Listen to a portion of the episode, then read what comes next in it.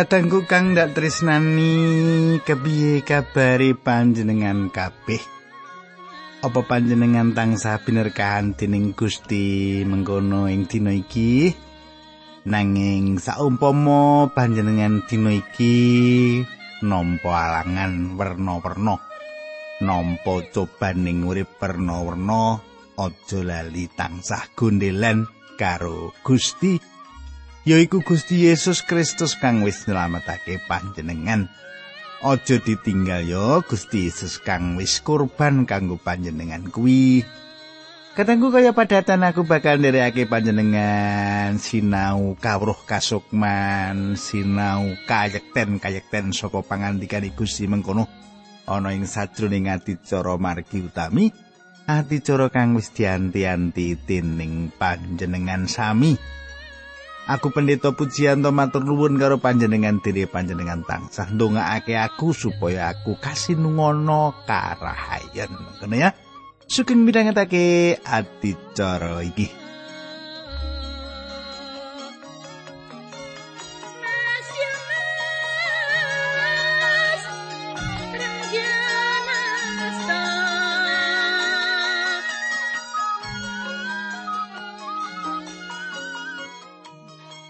Kadangku apa panjenengan isi kelingan apa sing ndaturake nalika patemon kita kepungkur kae?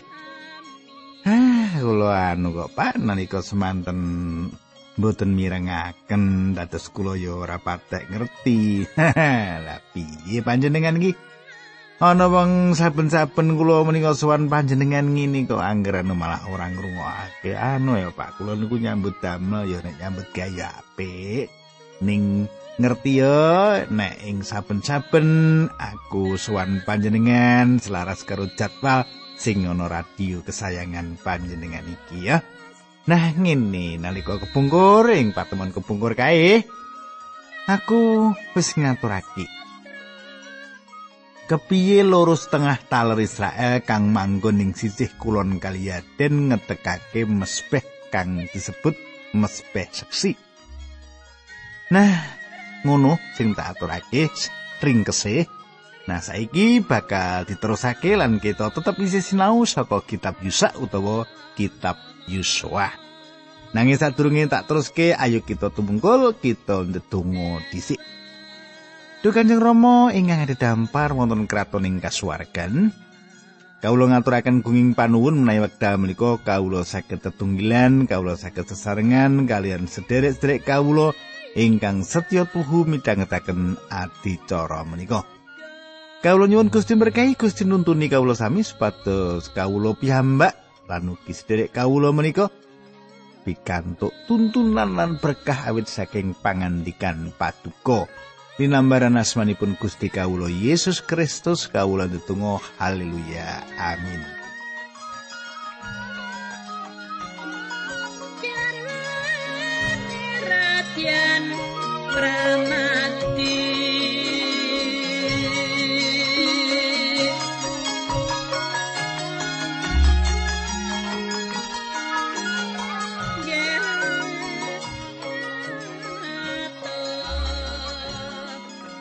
Katanggu kang tak tresnani kita bakal sinau Yusua bab 13. Dadi saiki kita wis ngancik Yusua bab 13. Ing sadroning pasal iki utawa bab iki Yusua nyeluk para pemimpin Israel sak perlu dipecut lan diweni pepestet sadurunge dheweke tilar donya. Yusua menehi welingan kang pungkasan marang umat iki. Coba panjenengan kateke bab telulikur ayat siji loro telu. Aku nggunakake basa pedinan panjenengan pirengake. Gusti Allah paring katentreman marang umat Israel srana kawalake saka sakae mungsuhe. Yusua umure saya akeh lan dadi tuwa banget. Umat Israel banjur diklumpukake bebarengan karo para panggede, para pemimpin, para hakim lan para perwira dikandani mengkini aku saiki wis tuwa banget.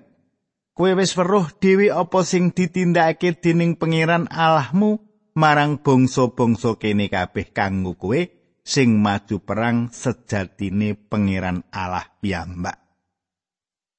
Kadangku coba gatekke ayat-ayat iku. Panjenengan gatekke Yosua nyeluk wong Israel supaya ngadep dheweke. Terus ayat papat limo enam mengkini surasani. Tanai bangsa-bangsa sing durung kita telukake Mengkono uga tanahe bangsa-bangsa sewis kita telukake ya kuwi wiwit saka sawetane kali Yarden sak pengulon tekan segara tengah. Kabeh wis ndak dum lan ndak wenehake dadi duwekmu. Pangeran Allahmu bakal gawe kalahe bangsa-bangsa mau nganti semongso kok luruki perang bakal padha keplayu. Lan kowe bakal ngenggoni tanahe dadi tanah pusakamu kaya sing wis dijanjekake dening Pangeran Allahmu marang kowe. Mulane padha perlokno nggonmu ngestokake lan nglakoni kabeh sing katulis sing kitabe Musa. Dawuh-dawuh mau aja ana sing kok remehake senadyan mung sak perangan wae. Kadangku Yosua ngundangi wong Israel supaya apa supaya wong Israel nindakake apa kang didhawuhake dening Musa marang wong-wong mau. Nah, coba ayat 78. Kowe aja pisan-pisan sesrawungan karo bangsa-bangsa sing isih kari lan saiki ana ing tengah-tengahmu. Aja pisan-pisan ngucapake jenenge Allah-alahe bangsa-bangsa mau utawa sumpah atas jenenge kowe aja pisan-pisan ngabekti utawa sujud marang Allah-Allah mau. Malah kowe padha sing setya karo pangeran Allahmu kaya setiamu saiki. Katengku bebaya kang paling gedhe, bebaya kang paling gedhe yaiku nalika nyabrang kali Yaden. Nalika lagi ngadepi mungsuh ing tanah monco adepan karo mungsuh kang ora dikenal lan durung anggone ngrasakake wedi dadi jalaran umat Israel cerak karo Gusti. Yosua ngrumangsane perkara iku saiki awit wong-wong Israel wis mlebu ing mangsa kang tenang lan ngrasakake kasugihan lan urip kang luber-luber banjur wong-wong Israel ngedoh karo Gusti Allah. Ya iku carita gegayutan karo manungsa. Iku ora tau wah kingcet. Aku ngrumangsane yen Gusti bisa wae ndadar kita kanthi urip kang luber-luber. Kita kadadar urip kang luber-luber. Wektu kang bebayani dhewe kang bisa dilewati sapa wae dudu nalika wong kuwi ngadepi bebaya gedhe lan kasangsaran. Nanging malah ing sadroning katentreman lan urip luber-luber. Ya iki sebabe kadangku Yosua menehi wejangan iki marang Israel. Sebanjure Yosua uga ngilingake wong Israel apa kang bakal dumadi menawa wong Israel ngungkurake Gusti Allah Saiki ayat 11, rolas lan telulas. Kata ya, mungkin disurasani. Mulane ojo podo lali tresnani marang pengiran Allahmu. Yen kowe ora setya marang Allah lan kelu karo bangsa-bangsa mau, elingo. Yen Gusti Allah ora bakal nglungakake bangsa-bangsa mau marang kowe, malah bangsa-bangsa kuwi bakal mbebayani lan dadi memolo kanggo kowe. Bangsa-bangsa mau bakal gawe sengsaramu mergo bakal dadi pecut kanggo ngitiki gegermu lan dadi kilip ing mripatmu.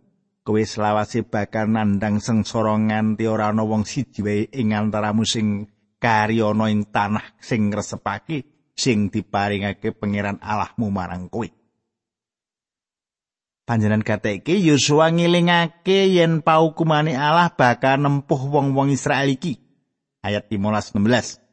Kaya diri panjenengane nggone wis ngleksanani apa sing dijanjekake mengkono uga panjenengane bakal ngganjar kowe nganggo paukuman sing wis didhawuhake.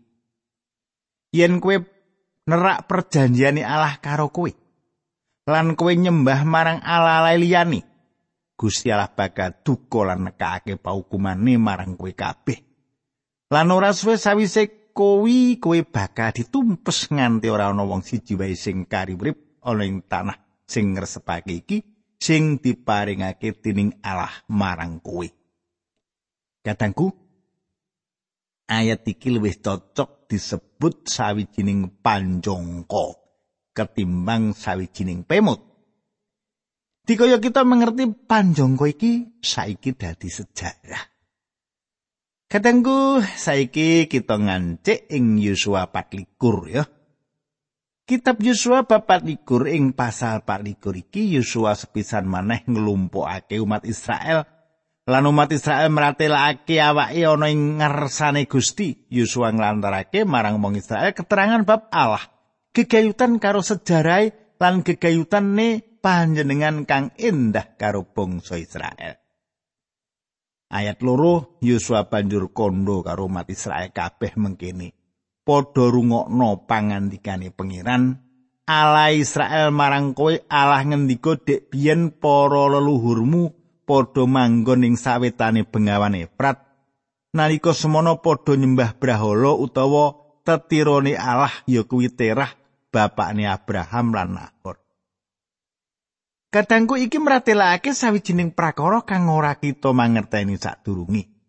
Senadyan kita wis bisa ngira-ira. Nalika Gusti Allah nimbali Abraham saka Ur Kasdim, Gusti Allah nimbali Abraham metu saka sawijining papan pamujan Brahala. Terah bapake marang kita pengkene mujo Brahala Brahala. Perkara iki nuwake pitakonan kenapa Gusti Allah milih Abraham lan gawe sawijining bangsa lumantar dheweke. Ayo kita timbang-timbang asal usule. Sakwise pembangunan menara Babel, manungsa sakbutuhe ngungkurake Gusti. Ora ana wong siji wae kang nglayani Gusti Allah, malah terah bapak Abraham uga ora. Nalika Gusti Allah ngisrahake basane, wong-wong mau sumebar menyang endi papan lan wong-wong mau nggawa sawijining kawruh gegayutan karo Gusti Allah kang yekti senadyana wong-wong mau ora manembah panjenengani. Sawise menara Babel iki akeh wong kang ngungkurake Gusti Allah sawutuwe. Kadangku saiki apa kang bakal ditindakake Gusti Allah kang selaras karo pribadine, mutune lan sifat sipate. Gusti Allah bisa ngadili keluarga manungsa lan mindahake saka bumi. Gusti Allah bisa gawe bumi bolong-bolong kaya bulan menawa panjen panjenengane ngersakake.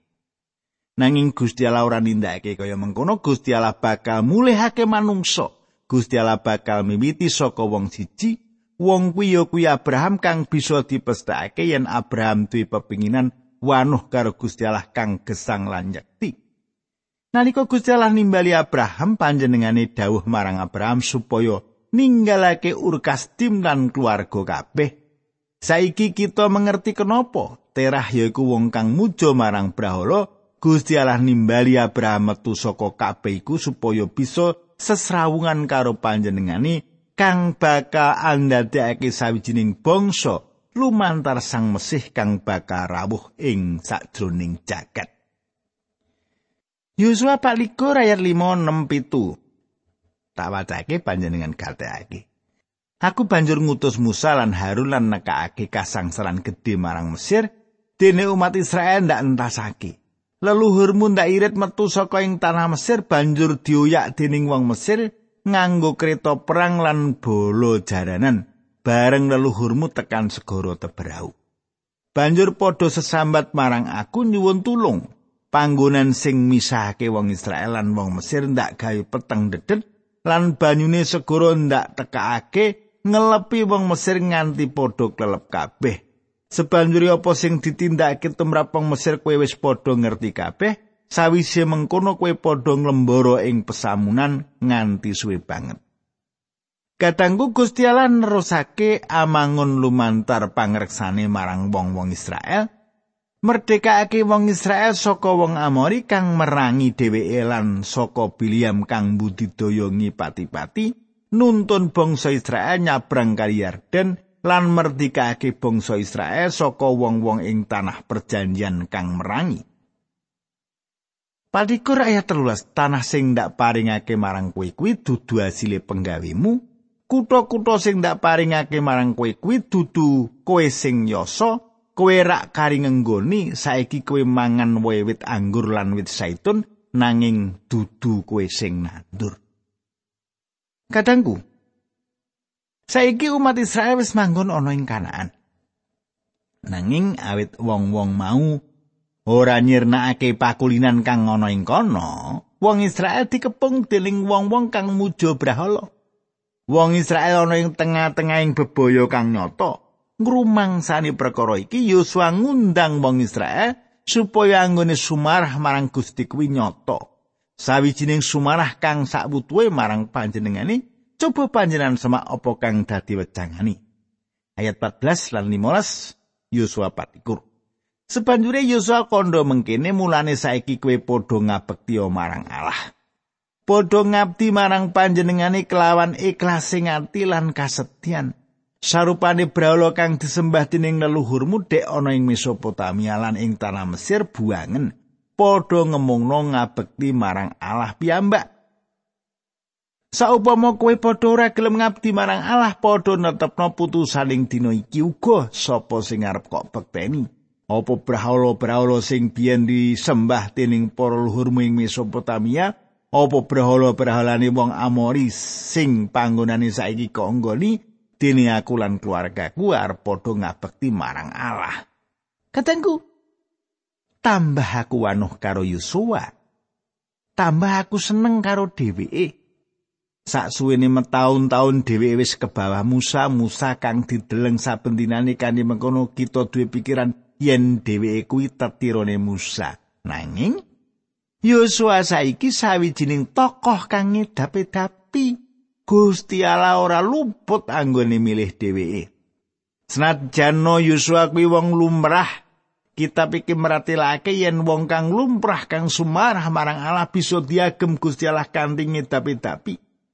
Yosua kondo marang bangsa iku apa kang kowe kabeh pingini maneh karo para brahala luhurmu brahala-brahala kang leluhurmu sembah utawa apa kowe kabeh kepingin manembah marang brahalane wong amoi kowe kabeh bisa milih nanging kanggo kulan keluargaku aku kabeh wis duwe pilihan aku kabeh bakal nglayani Gusti yaiku sawijining tantangan kang ngedapi-dapi marang kabeh taler Israel supaya nimbang-nimbang perjanjiane karo Gusti Allah. Panjenengan semak tanggapane bangsa iki. Coba panjenengan semak ya. Ayat 16 lan 17. Umat Israel banjur padha mangsuli kula mboten badhe nilar Gusti Allah lan gentos ngabekti dateng brahala-brahala. Pangeran Allah piyambak ingkang sampun ngluwari leluhur kita lan kula sedaya saking anggen kula dados rencang tumbasaning tanah Mesir Kulo sampun sami sumarep kaeloan kaeloan ingkang kaasta dening Allah. Allah sampun ngreksa lan ngayomi kulo ing samargi-margi nalika kulo sami melampah nglangkungi tanah-tanah ngamonco. Kadangku panjenengan bisa uga duwe pikiran yen awit Gusti Allah anggone makarya karo bangsa Israel ngedapi-dapi, mula bangsa Israel bakal njogo sesambungane karo Gusti Allah cerak banget lan bangsa Israel tetep latih panjenengani gampang nudingi menyang taun telung ewu puluh taun kepungkur lan kondo kaya ngopo cilakane bangsa Israel iku bener-bener ngegirisi kaya ngopo anggone gagal? Apa kang ditindakake bangsa iki kepiye kegayutan kita saiki? Sepiro cerake kegayutan kita karo Gusti Allah? Takonku marang panjenengan. Sepiro? Cerake panjenengan karo Gusti Allah. Heh, sepiro? Katenggu saya kita terus ke ayat 20. Menawa kowe padha nyingkur marang Sang Yewah lan ngabekti marang Allah liyane, panjenengane bakal nilar kowe lan banjur nandukake kang ora becik marang kowe lan numpes marang kowe sause nyaini marang kowe ing mauni. Katengku Gusti Allah uga apik banget marang kita. gitu nanging akeh wong urip tanpa semangat urip tanpa ngajeni berkah-berkah kang wis diesokake marang wong-wong mau akeh wong duwe pikiran yen wong-wong mau bisa nindakake apa wae kang dipingini panjenengan iku Gusti Allah kang kebak welasase kebak katresnan lan panglipuran nanging panjenengan uga Gusti Allah kang paring paukuman saiki ayat selikur wong-wong Israel nuli padha mangsuli estu mboten. Kula mboten badhe nyembah dhateng Allah sanesipun kula namung badhe ngabekti dhateng Gusti Allah kemawon. Kadangku iki keprungune kaya sawijining pamrih kang becik toh. Apa sing dikandhaki kan apik toh? Ing pihak Israel kan apik toh. Ayat 24 selawe. Wong-wong mau banjur padha matur marang Yosua mekene kula badhe sami ngabekti dhateng pangeran Allah kemawon. kula badhe sami ngestokaken dawuh-dawuhipun ing dina iku ing sikem Yosua gawe perjanjian karo bangsa Israel banjur medharake dawuh-dawuh lan pernatan-pernatan sing kudu padha ditetepi Kadangku kan ditembung liya apa kang Yosua tulis iku nulis kabeh paugeran kang ditulis sing sadrone limo kitabe Musa. Yaiku pungkasane uripe Yosua. Ayat 29 telung puluh. Sawise mengkono Yosua bin Nun, abdini Allah banjur tilar donya nalika semono umure 110 tahun. Yosua dikubur ana ing lemahe dhewe ing Timnap Serah ing pegunungan Efraim sak lore gunung gas. Kadangku Yosua dikubur ing tanah kang ora subur kang wis dipilih Yosua minangka warisane. Ayat 31 lan 32 selawase Yosua isih urip, umat Israel padha ngabekti marang Allah. Semono uga sawise Yosua tilar donya lan selawase pemimpin-pemimpin sing padha nyipati dhewe pakaryane Gusti Allah kanggo umat Israel isih padha urip. Jisime Yusuf sing biyen digawa umat Israel saka tanah Mesir dikubur ing Sikem ing palman sing biyen dituku dening Yakub saka anak-anake Hemor bapakne Sikem rego 100 duit sloko paleman mau diwarisake marang anak turune Yusuf. Katengku nalika Yosua mati, wis mesti Yosua banget diajeni awit Yosua nglayani Gusti saumuri. Yaiku daya pengaruh saka urip kang mursid. Yusuf yaiku bapak Efraim lan Manase. Nalika bocah loro, anake loro kuwi ninggalake Mesir, Anake loro kuwi nggawa balung-balung bapake saksuwene 40 digawa ngumbara ing ora samun. Manase lan Efraim wis janji marang Yusuf yen anake loro mau bakal ngubur balung-balungi ana ing tanah kang diprastiake. Kenapa? Awit Yusuf duwe pengarep-arep tangi saka pati ing tanah kuwi. Ayat 33 dene Eliasar anake Harun uga tilar donya lan dikubur ing Gebia ya kuwi kutha sing dununge ing daerah pegunungan Efraim kutha mau wis diwarisake marang Pinahas anake Eliasar. Kadangku Harun yaiku imam kawitan kang mati.